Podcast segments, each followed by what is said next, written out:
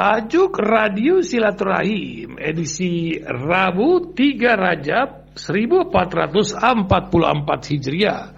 Bertepatan dengan 25 Januari 2023 56 hari menjelang Ramadan Karim. Diberi judul Perubahan Iklim dan Tuntunan Agama Kita. Sebuah tulisan dari Nasih Nasrullah jurnalis Republika. Perubahan iklim masih merupakan isu dan concern utama dunia internasional.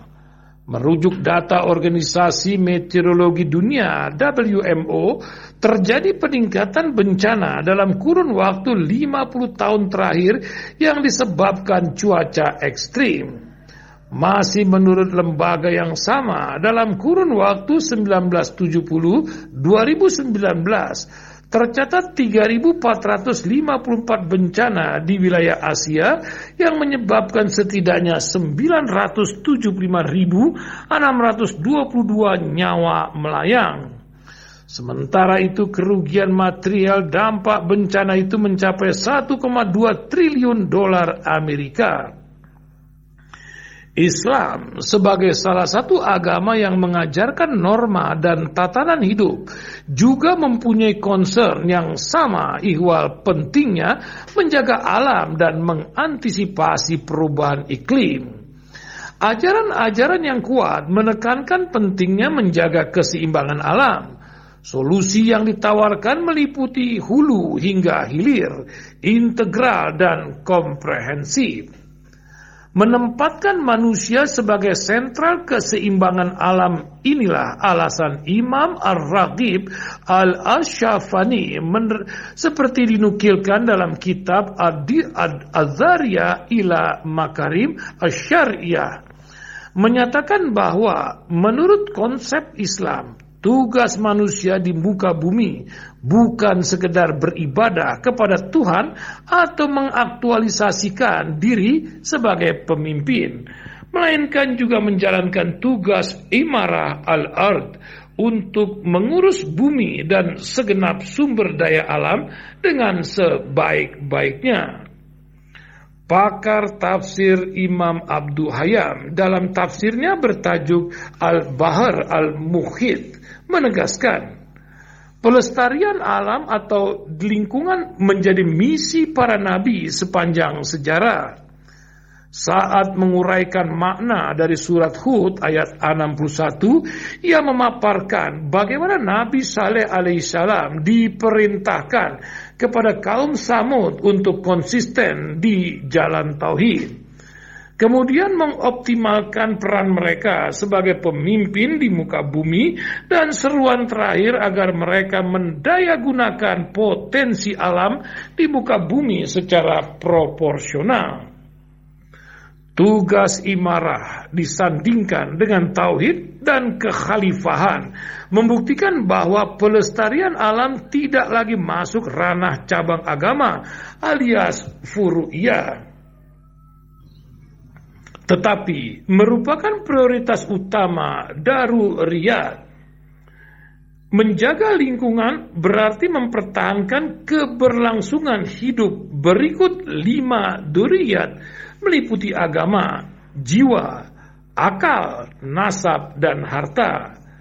Konsep pelestarian alam yang ditawarkan Islam memang telah diakui dunia Suatu ketika Pangeran Charles dalam sebuah pidatonya di hadapan para sarjana dan intelektual Pusat Kajian Islam Oxford pada 2010 menyatakan bahwa doktrin semua agama menyerukan pemeliharaan alam termasuk Islam.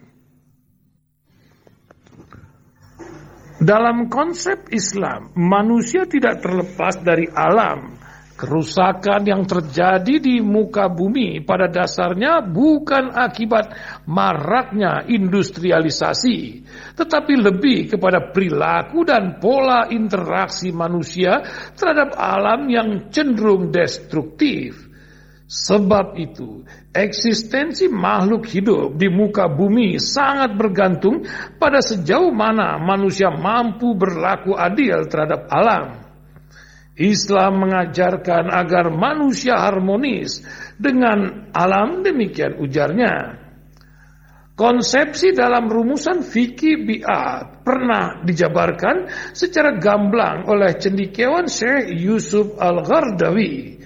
Gagasan itu tertuang dalam bukunya yang diterbitkan pada 2001 silam dengan judul Riayat Al-Bi'a fi Syariah Al-Islam ada delapan konsep utama pelestarian yang digariskan oleh Islam. Pertama, penghijauan dan reboisasi. Ada dua unsur utama dalam poin ini, yakni nilai manfaat dan estetika. Kedua, aktivasi lahan mati. Ini yang dilakukan dengan memberdayakan lahan-lahan mati dan optimalisasi potensi yang ada.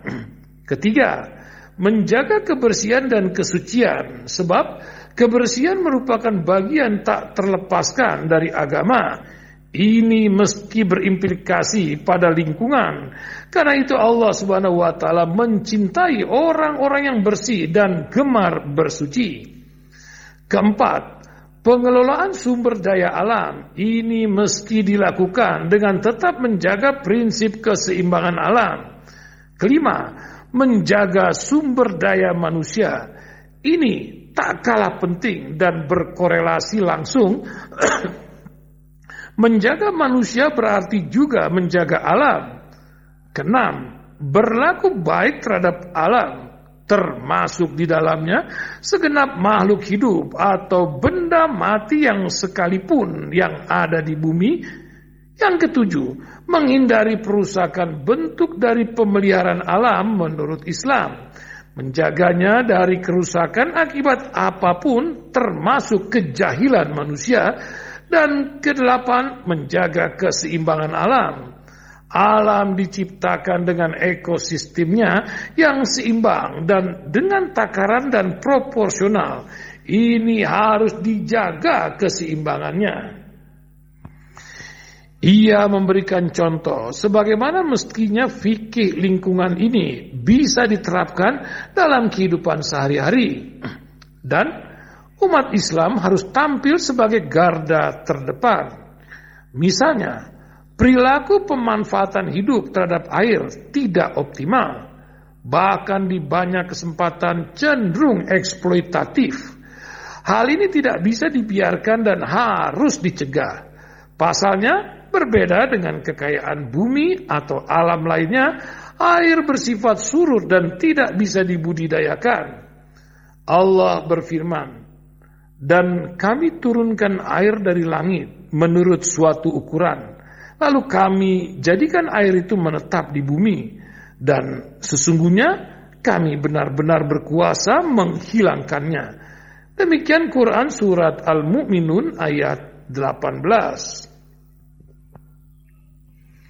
Di sinilah letak mengapa Rasulullah SAW dalam sebagian riwayat pernah mengingatkan Sa'ad bin Abi Waqqas agar berwudu dengan air secukupnya. Tidak usah berlebih sekalipun berada di lokasi dengan air yang melimpah. Ini sebagai bentuk upaya menjaga keseimbangan alam, mendaya gunakan potensi tanpa harus berlebih sesuai porsinya. Sebab dikatakannya alam diciptakan sistem yang harmoni dan proporsional. Tugas manusia adalah menjaga keseimbangan itu. Wallahu a'lam bishawab.